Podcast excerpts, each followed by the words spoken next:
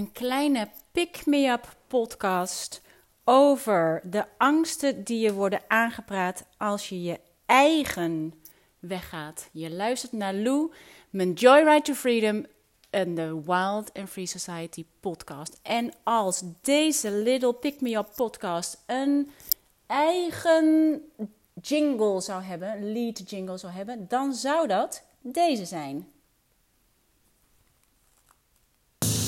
Riders on the storm. Riders on the storm. Into this house we're born. Into this world we're thrown. Like a dog without a bone, and packed we're out alone. Riders on the storm. There's a killer on the road. Squirming like a toad. Take a long holiday. Let your children play. If you give this man a ride, sweet family will die. Killer on the road. Yeah, the Doors, Riders on the Storm. En waarom heeft die te maken met de angsten die je worden aangepraat als je je eigen weggaat? Riders on the Storm. There's a killer on the road. His brain is squirming like a toad. Take a long holiday. Let your children play. If you give this man a ride, sweet family will die. Killer on the road. Yeah. Ik moest denken aan nu ik mijn eigen weg ga. Dat is voor velen inspirerend en voor anderen ergens een beetje intimiderend. En die komen dan onmiddellijk met alle gevaren aanzetten van je eigen weggaan. En in dit geval de gevaren van niet op social media zijn, wat dat voor gevaar is voor je business.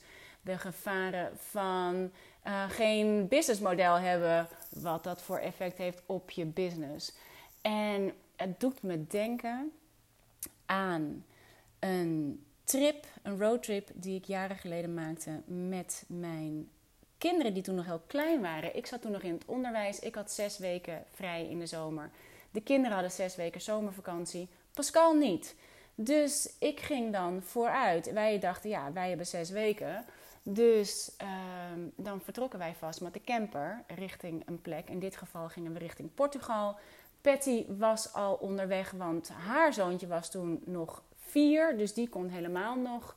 Of die werd vier in die vakantie. Die kon helemaal nog. Die was helemaal nog een free agent uh, om te reizen. Ik ging met mijn kinderen onderweg naar Portugal om haar daar ergens in de Algarve te ontmoeten. En dit was in de tijd van de campermoorden. Dus op het moment dat ik zei dat ik op een roadtrip ging met mijn kleine kinderen, in mijn eentje rijden naar Zuid-Portugal, kwam, nou, ik wil niet zeggen iedereen, maar laten we zeggen 75% met alle nadelen en angsten die gepaard gaan met het alleen reizen. Ben je gek of zo? Wil je vermoord worden of zo? Wat denk je wel niet dat je gaat doen? En wat er gebeurt op het moment dat mensen die angsten met je gaan delen, dat doet wat met je. Want je gaat twijfelen zelf. Dat je denkt: oké, ben ik nou heel onverantwoordelijk? Ben ik nou zo. Uh, is het nou echt gevaarlijk wat ik ga doen? Heb ik uh, er niet goed over nagedacht? Breng ik mijn kinderen in gevaar? En deze angsten, die neem je als je niet uitkijkt voor waar aan. Maar wat je vervolgens wil doen. Kijk, en dat is ook hier met de Doors. Uh, there's a killer on the road. His brain is squirming like a toad. Take a long holiday. Let your children play. If you give this man a ride, sweet family will die. Killer on the road. Dit is de angst die mij meegegeven werd onderweg naar Zuid-Frankrijk. Uh, sorry, naar Zuid-Portugal. En, maar wat je gaat doen is dat je eventjes stopt. Even denkt, oké, ben ik onverantwoordelijk? Denk ik, oké, ik zorg ervoor dat ik niet s'nachts hoef te tanken. Sterker nog, ik zorg ervoor dat ik s'nachts niet rijd. Ik zorg ervoor dat ik, op, dat ik niet wild ga kamperen, maar dat ik op een camping sta ergens.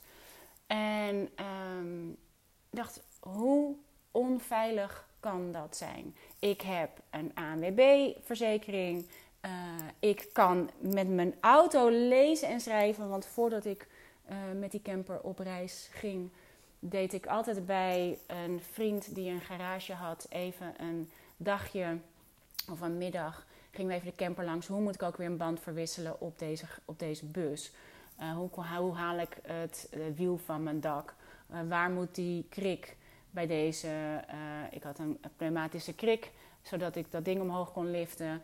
Ik wist hoe ik mijn olie moest bijvullen, hoe ik mijn koelvloeistof moest bijvullen, hoe ik mijn remvloeistof moest checken, hoe ik mijn schakelbakvloeistof kon verversen. Ik wist alles van mijn auto.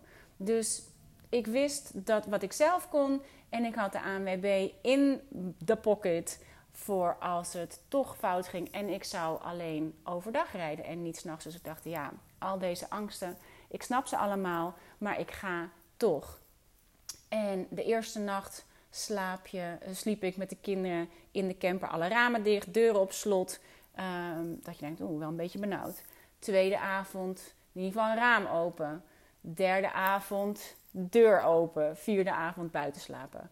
Dus Laat je niet gek maken door alles wat je wordt aangepraat op het moment dat je je eigen keuzes maakt. En zeker als die keuzes uh, contra staan op wat anderen doen. Of wat, of, en die angsten, dat zijn natuurlijk niet alleen maar angsten die van buitenaf worden, worden aangepraat. Je kunt jezelf flink in de penarie kletsen als je jezelf een beetje de ruimte geeft. En in mijn geval nu, zoals ik toen ging checken. Uh, Oké, ik ga niet overdag, ik ga niet s'nachts rijden, ik ga niet s'nachts tanken. Ik sta op een camping, ik ga niet wild kamperen. Weet je, even de, de randvoorwaarden even langslopen. En denken, oké, ik ben veilig. Nu voor mezelf, uh, nu ik uh, de angst van geen inkomsten bijvoorbeeld moet bezweren. Die ik mezelf aan kan praten en die ik van buitenaf aangepraat krijg die kan ik bezweren door mezelf af te vragen: ben ik gezond? Als ik gezond ben, dan ben ik al gelukkiger dan de miljoen mensen die deze week niet overleven. Check. Heb ik eten in mijn koelkast, ofwel hier nu in mijn koelkast of in mijn campertje? Heb ik schoenen aan mijn voeten? Heb ik kleding aan mijn lijf? Of heb ik een bed om in te slapen? Heb ik een dak boven mijn hoofd? Of dat nou is het dak van mijn woonboot of het hefdak in mijn camper? Als het antwoord ja is, dan ben ik rijker dan 75% van de mensen op deze wereld. Heb ik een bankrekening? Heb ik geld in mijn portemonnee of in mijn zak? Heb ik, of heb ik munten in een spaarpot? Als het antwoord daar ja op is, dan zit ik in de top 8 van 's werelds rijkste mensen. I am good to go.